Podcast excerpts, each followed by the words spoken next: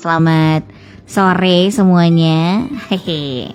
Apa kabar Kanca Muda Jogja? Sore hari ini Ella lagi temenin kamu Kanca Muda Jogja. Kemarin sempat ditemenin sama Awan Rendra gitu. Hari ini Ella kembali lagi nih karena kangen sama Kanca Muda Jogja untuk uh, ngobrol-ngobrol di sesi Soma sana sini soal agama nih Kanca Muda. Nah ini karena masih awal tahun kita masih punya tema yang berhubungan dengan uh, amalan-amalan mempercepat segalanya. segalanya ki apa? Ya booster ya uh, vitamin ya apa namanya uh, gimana cara kita bisa sukses tahun ini? Ah banyak hal yang bisa kita lakukan dengan amalan yang memang sudah uh, Allah perintahkan atau sudah diajarkan oleh nabi besar kita gitu kan coba di Jogja supaya kita uh, bisa sukses. Cuman kadang-kadang kita suka males suka nggak peduli sama begituan. Tapi sekarang kita jadikan peduli karena kita mau nanya sama Pak Ustadz. Assalamualaikum Pak Ustadz. Hai cah. Hmm, Assalamualaikum Pak Ustadz. Salam Ratu Raja Muda. Ya. Baik, eh, kali ini kita akan bicara mengenai booster-booster apa yang harus kita lakukan. Ya. Walaupun nampaknya mungkin orang sudah bisa menebak, sudah banyak kajian tentang itu, tetapi kita nggak bosen-bosen untuk mengingatkan tentang booster apa yang harus dilakukan ketika kita sudah merubah nasib Caranya dari mana? Kemarin sudah kita bahas adalah dari cara merubah sholat kita yang menjadi lebih efektif, efisien, khusyuk dan lain sebagainya sehingga dari kata kunci sholat itulah kemudian Allah berikan solusinya. Nah, kita akan bicara booster. Ada booster yang pertama Mbak Ela, ya. Mhm. E, nanti saya ingatkan kaca muda di sesi kedua saya ingin mengundang tamu Pak Pamungkas, jadi Pamungkas nanti akan menerangkan ya kaca muda tentang gimana sih tata cara aturan umroh terbaru. Mhm. Nah, jadi misalnya kan yang mudah dilalah pas ono bar untuk warisan atau habis dapat Amin. bonus atau dilalah ada rezeki itu dan ingin ke tanah suci itu yang sekarang itu sama nggak sih dengan yang dulu nanti akan kita bahas di segmen kedua. Nah booster kali ini Mbak Ella akan saya perkenalkan eh, kita mulai dari yang ringan dulu Mbak Ella. Oke. Ringan tetapi kalau ini dikerjakan dengan serius dengan istiqomah itu dahsyat luar biasa. Nah booster itu adalah bernama eh, istighfar dan sholawat. Jadi ada dua hal. Kalau kita ingin sudah sholatnya sudah dilakukan, nah, nah kita mulai dari yang warming up dulu, yang kecil-kecil, yang ringan-ringan, tetapi ini nggak ringan. Ternyata begini Mbak Ella, kenapa sih amalan itu menjadi tidak ringan? Karena dilakukan continue, terus menerus. Dia menjadi nggak ringan. Coba kalau orang dikasih dikasih note gitu kan, lakukan sholawat seminggu sekali misalnya, itu Mhm. orang jadi oke santai seminggu sekali gitu kan. Kamu istighfar dua bulan sekali misalnya, itu orang menjadi menjadi apa? Mungkin enteng gitu Mbak Ella, ngenteng ke atau enteng gitu kan. Mhm. Tetapi kan ternyata amalah amalia dalam Islam itu yang membuat berat itu adalah rutinitasnya, Mhm. kontinuitasnya. Dan kontinuitas rutinitas itulah yang membuat hasil, Mbak Ella.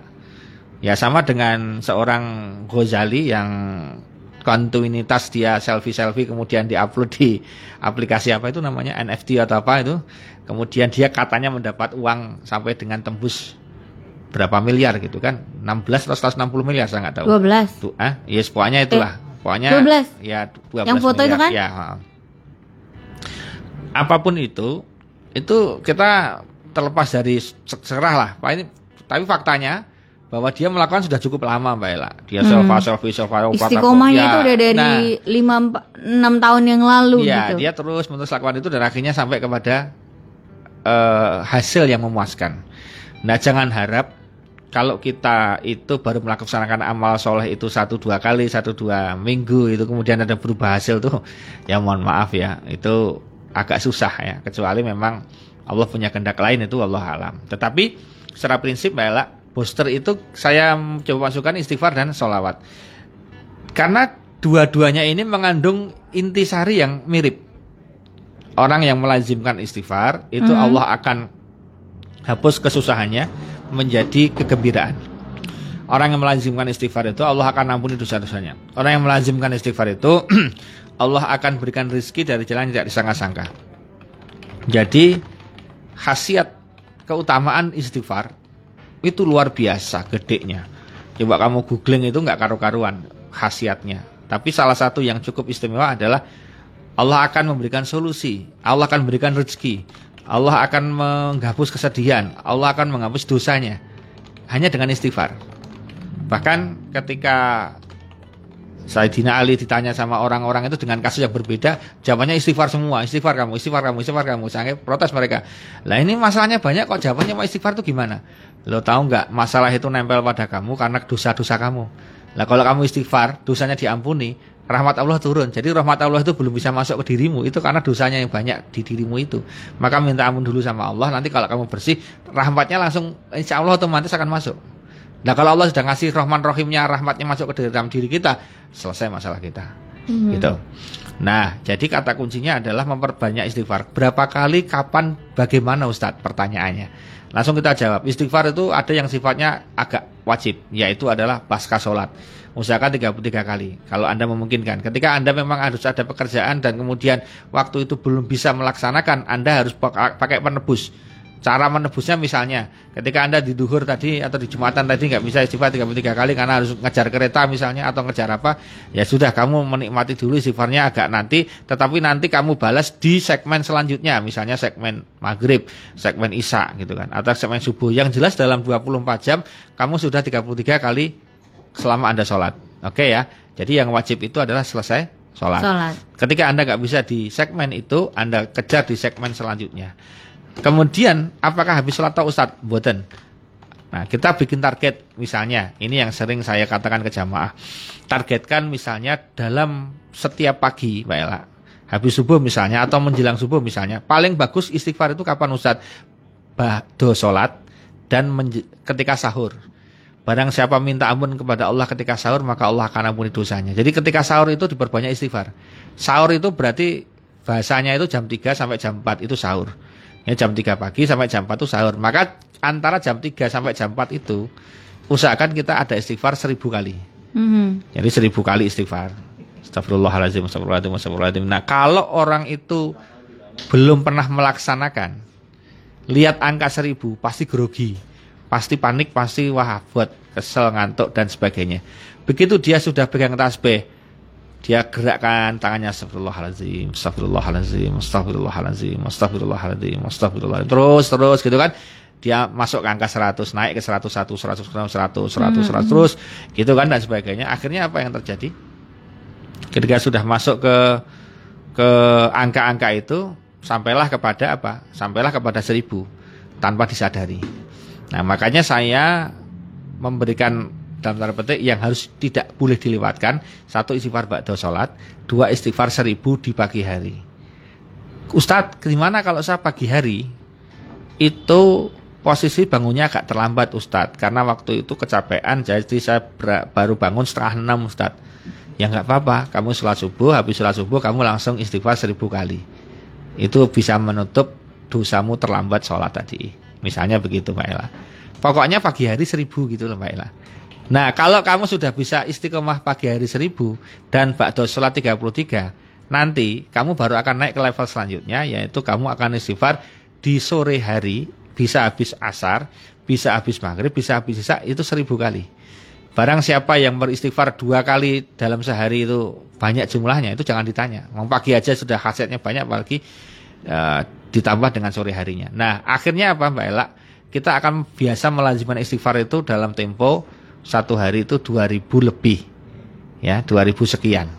Kalau ini belum bisa kena minimal anda di 1000 yang pagi hari itu harus kamu kejar itu kancah muda. Nah yang kedua kalau kita sudah isti nah jadi pertama itu bakdo sholat yang kedua pagi hari 1000 mm -hmm. kemudian kita latihan kalau sudah itu berhasil kita latihan nambah di sore. Sore itu bisa badal asar badal maghrib atau badal isya itu seribu juga Nah itu kita bicanya ribuan. Kenapa Ustadz ribuan? Karena bisa jadi istighfar kita seribu itu yang diterima itu hanya sekian. Lah kalau kita sudah istighfar cuma 10 kali kan 10-nya nggak diterima semua piye? Nah, mending kita seribu tapi kemudian yang lolos 300 misalnya masih ada 700 mm -hmm. atau yang gagal 700 masih ada 300 gitu loh. Jadi kenapa istighfar itu agak banyak ya karena nyantol gitu ya. Jadi di dicantolin istilahnya begitu. Mm -hmm. Nah, itu itu istighfar. Nah, itu dikerjakan dengan rutin. Kalau kamu udah biasa rutin, nanti kamu akan terbiasa mengisi waktu menunggu antrian di teller Anda istighfar. Kamu di bis daripada bengong kamu istighfar. Kamu nunggu jadwal siaran satu dengan siaran selanjutnya kamu istighfar. Pokoknya nanti hidupmu akan isinya banyak istighfar.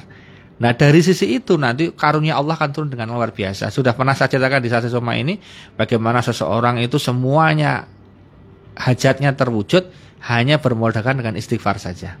Tapi dia tidak pernah berhenti istighfar. Kasarannya 24 jam dia istighfar, paling berhenti kalau betul-betul dia capek. Mhm. Gitu kan.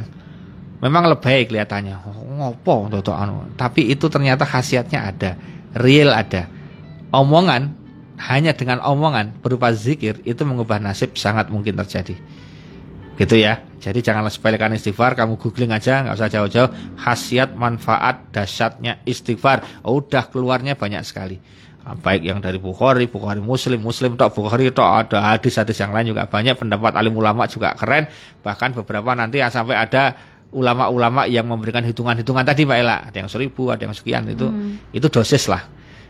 Memang nggak ada hadisnya Mbak Ella, harus dosisnya sekian-sekian. Tapi kalau nggak dikasih dosis, orang kita itu nggak punya target. Coba nggak percaya, kamu istighfar aja tanpa tasbih, kamu cenderung capeknya cepat. Kamu ngerasa sudah lama, padahal ternyata kalau dikasih tasbih itu baru separuhnya tasbih. Tiga perempatnya tasbih dari satu kali muter misalnya. Begitu kamu sudah dengan tasbih, oh ternyata 100 itu cepat ya. Oh gimana kak 200, oh gimana 300, oh 1000 itu ternyata nggak lama. Akhirnya muncul kata-kata 1000 nggak lama. Itu kata kuncinya. Ketika kamu sudah pada level 1000 nggak lama, di situlah insya Allah kemudian kamu mulai sudah ketagihan, mulai tertarik, mulai menikmati dan mulai bisa menyublimasi di situ. Mhm. Banyak orang yang ketika banyak masalah ketika istighfar semuanya menjadi lebih tenang dan lebih landai begitu ya. Oke.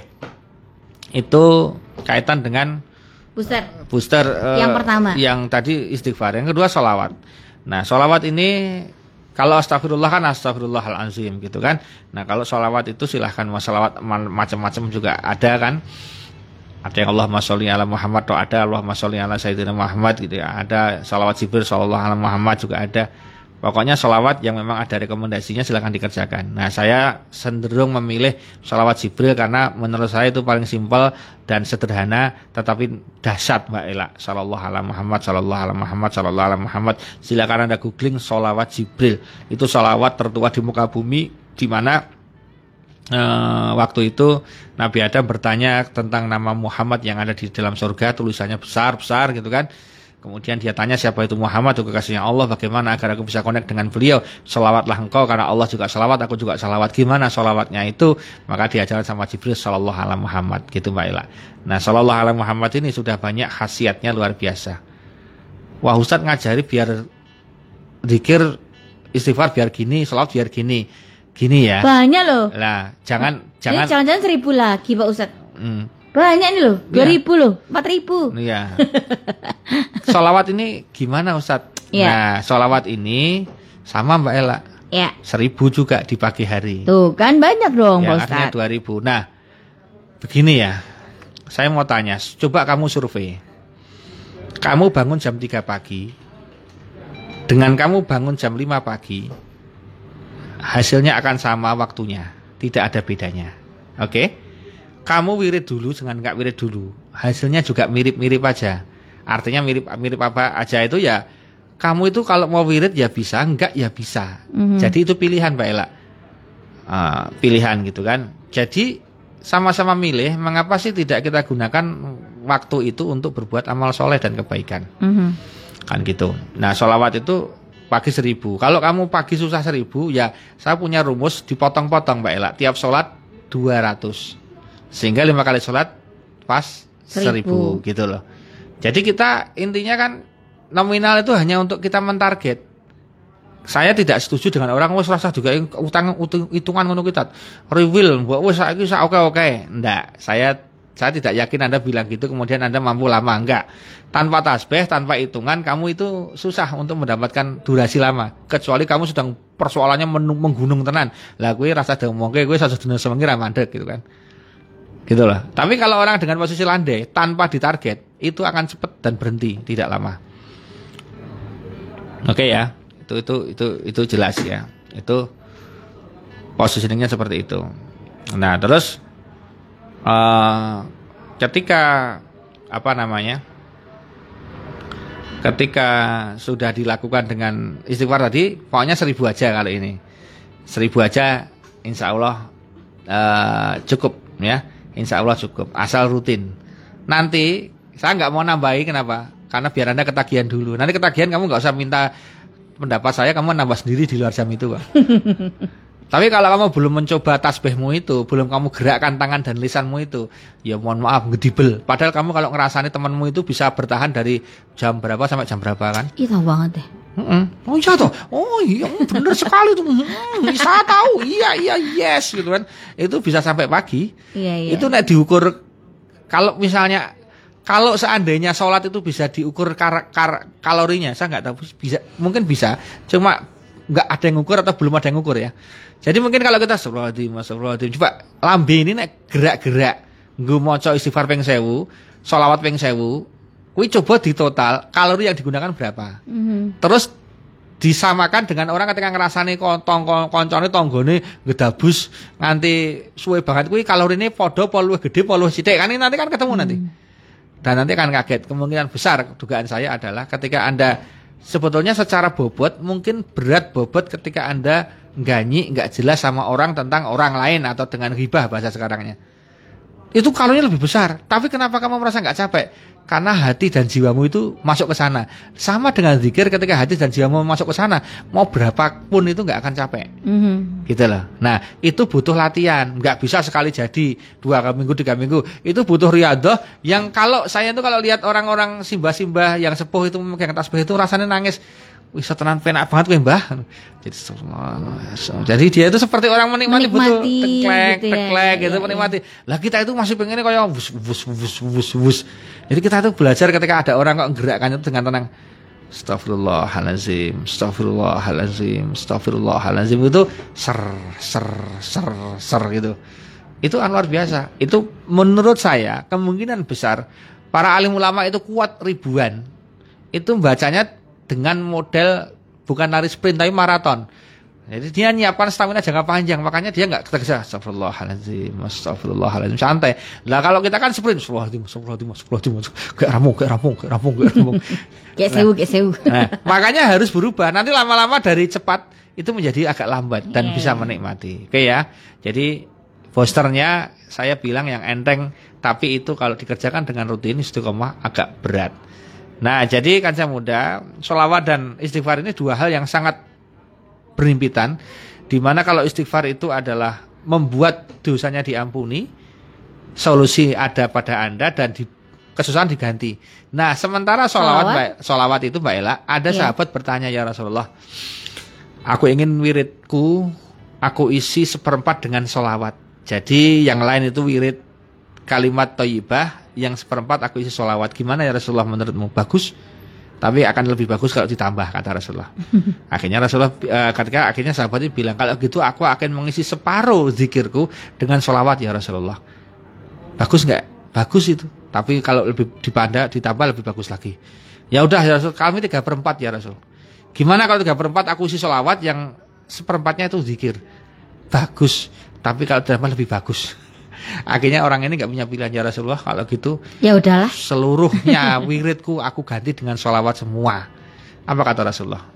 Idan jika kamu begitu, kamu dapat dua-duanya. Fastakbaru fi dzambik. Jadi Allah akan ampuni semua dosamu dan Allah akan ijabah hajat-hajatmu. Oh keren. Nah, jadi ternyata kata kunci percepatan kehidupan yang baik, takdir yang baik itu adalah diampuni dosa kita, ya kan? Baru kemudian diijabah hajat kita. Jadi ingat kata kuncinya hajat itu terijabah setelah dosanya minim. Minim. Syukur zero, tapi minim. Jadi jangan harap banyak kalau dosanya menggunung, kemudian hajatnya tercukupi. Enggak Ustadz, si itu maksiat terus, tapi mobilnya baru terus, nambah terus, rumahnya nambah, Ustadz duitnya nambah. Eh, kamu nggak tahu apa yang ada dalam hati dan pikirannya. Bisa jadi ketika dia beli hari ini dia langsung susah juga hari itu karena dealer sudah membocorkan ternyata sudah ada seri baru lagi. Bapak mau sekarang atau nunggu besok? Masa tuku mobil di Sandra. Munggu, mau sekarang atau nunggu yang seri baru besok kan gitu. Akhirnya banyak orang yang punya macam-macam itu jangan dikira dia bahagia. Hajatnya hajatnya nggak tercukupi. Kenapa? Karena dia punya nggak cukup. Karena beli lagi, beli lagi, beli lagi seri baru, seri baru, seri baru. Ada loh sampai tua hari ini tuh masih ngitung aset. Mau ngembangin bisnis. Mau nambah. Harta. harta itu ada. Tapi ada yang keren sudah mulai meninggalkan semuanya dibagi semua sama anak-anaknya. Dia mojok saja di masjid gitu santai gitu hidupnya ke pasar jalan-jalan sama istrinya begini ke masjid pengajian pulang. Mah ini gimana dah itu untuk kamu? Aku udah tempat tinggalku. Jadi ada ada menarik kan? Sebesar besar rumahmu nanti ketika kamu tua kamu hanya akan berada di sudut-sudut tertentu aja ini cuma situ situ situ situ situ situ situ situ situ karena udah capek Nah, kenapa kamu harus punya yang besar-besar? Pikir lagi loh ya, kalau pengen besar betul serius, nanti kamu capek. Ya. Nah, makanya kaca muda, ayo kita memperbanyak istighfar dan sholawat. Pokoknya pertama dengan target itu tadi, yang kedua kalau kamu udah rutin itu, kamu pengen gatal.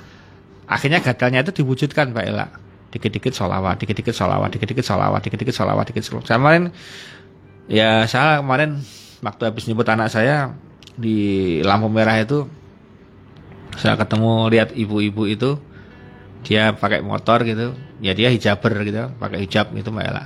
Tapi di tangannya sebelah kiri itu dia pegang tasbih. Jadi ketika lampu merah itu berhenti dia itu menggoyang-goyangkan itu. Karena dia pakai masker kan nggak ketahuan kemungkinan besar dia sedang wirid nggak tahu istighfar atau salawat atau wirid apa tapi dia kemungkinan pasti wirid nah mungkin dia juga apa hidupku biar karena wirid itu Mbak Ella akan mengagetkan kita insya Allah besok di hari akhirat. Kenapa? Karena wirid-wirid itu kan dibaca terus itu, itu kan menjadi kayak tabungan Mbak Ella.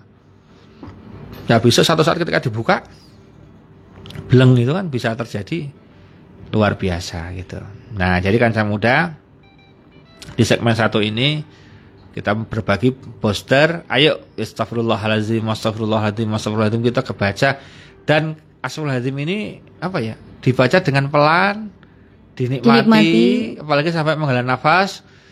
Astagfirullahaladzim ya Allah Sambil geleng-geleng mengingat masa dosa lalu Masa lalu kita dosa-dosanya Istighfar lagi gitu kan Sehingga istighfar itu menjadikan sebuah syair Menjadi terapi yang luar biasa hmm, dalam diri kita ya, ya, ya. Nah ketika kita sholawat Kita betul-betul juga tertuju kepada Rasulullah Ini perintahnya Allah untuk sholawat Rasulullah itu sangat luar biasa Beliau adalah orang yang sangat memperhatikan bahkan beliau itu orang paling sibuk di dunia ketika di padang masyar. Yang lain tuh bingung. Rasulullah itu sibuk juga bingung. Orang paling sibuk itu Rasulullah sana ke sini ke sana ke sini mencari umatnya yang mana. Padahal sudah dibuka kapat merah silakan masuk Muhammad itu Firdaus. Itu Firdaus silakan masuk. Firdaus itu adalah surga tertinggi. Maka kata Rasulullah berdoalah minta Firdaus kata Rasulullah. Jadi surga dengan President Suite Room kalau istilah hotel itu. Jadi dia kelas tertingginya surga itu adalah Firdaus. Firdaus. Okay. Nah, tapi jangan kamu bayangin kamu di emperannya aja seneng, kita di emperannya aja sudah bahagia. Apalagi, apalagi di dalam nyemplung ya. ya Dapat VIP room ya. di Firdaus Nah, jadi oleh karena itu ini segmen satu kancang muda, segmen dua nanti jangan ke mana-mana kita akan uh, menghadirkan teman saya, sahabat saya Mas Haji Pamungkas. Saya ingin beliau cerita tentang regulasi umroh terbaru. Biar jamaah Sasi Suma itu tahu kalau umroh sekarang itu syaratnya apakah harus vaksinnya vaksin tertentu, apakah karantinanya di sini di sana berapa hari, perlu tes PCR berapa kali, siapa yang nanggung biaya tesnya, sekarang jadi berapa harganya kurang lebihnya, paketnya paket apa di sana boleh lama atau enggak? Nanti boleh aja dengerin nanti. abis ya, ini kan coba gitu ya. ya. Oke, kita rehat dulu. Kamu uh, tetap ada di situ yang Kanca Muda stay tune. Dan seperti biasa kita bisa dilihat lewat uh, Facebooknya Ustadz Munif Tauhid. Bisa didengerin lewat situ. Kanca Muda Jogja ditonton sih sebenarnya. Dan juga nanti Kanca Muda kalau kamu lagi di kendaraan dan pengen mampir ke mana, tapi pengen tetap uh, kepo gitu sama tausiah kita sore hari ini, bisa lewat uh, aplikasi yang udah ada nih Kanca Muda yang ada Jeronimo FM-nya. Jogja Streamers, noise sama video ya bisa dengerin Jeronimo lewat situ oke okay? jangan ke mana-mana stay tune terus di sesi Soma sana sini soal agama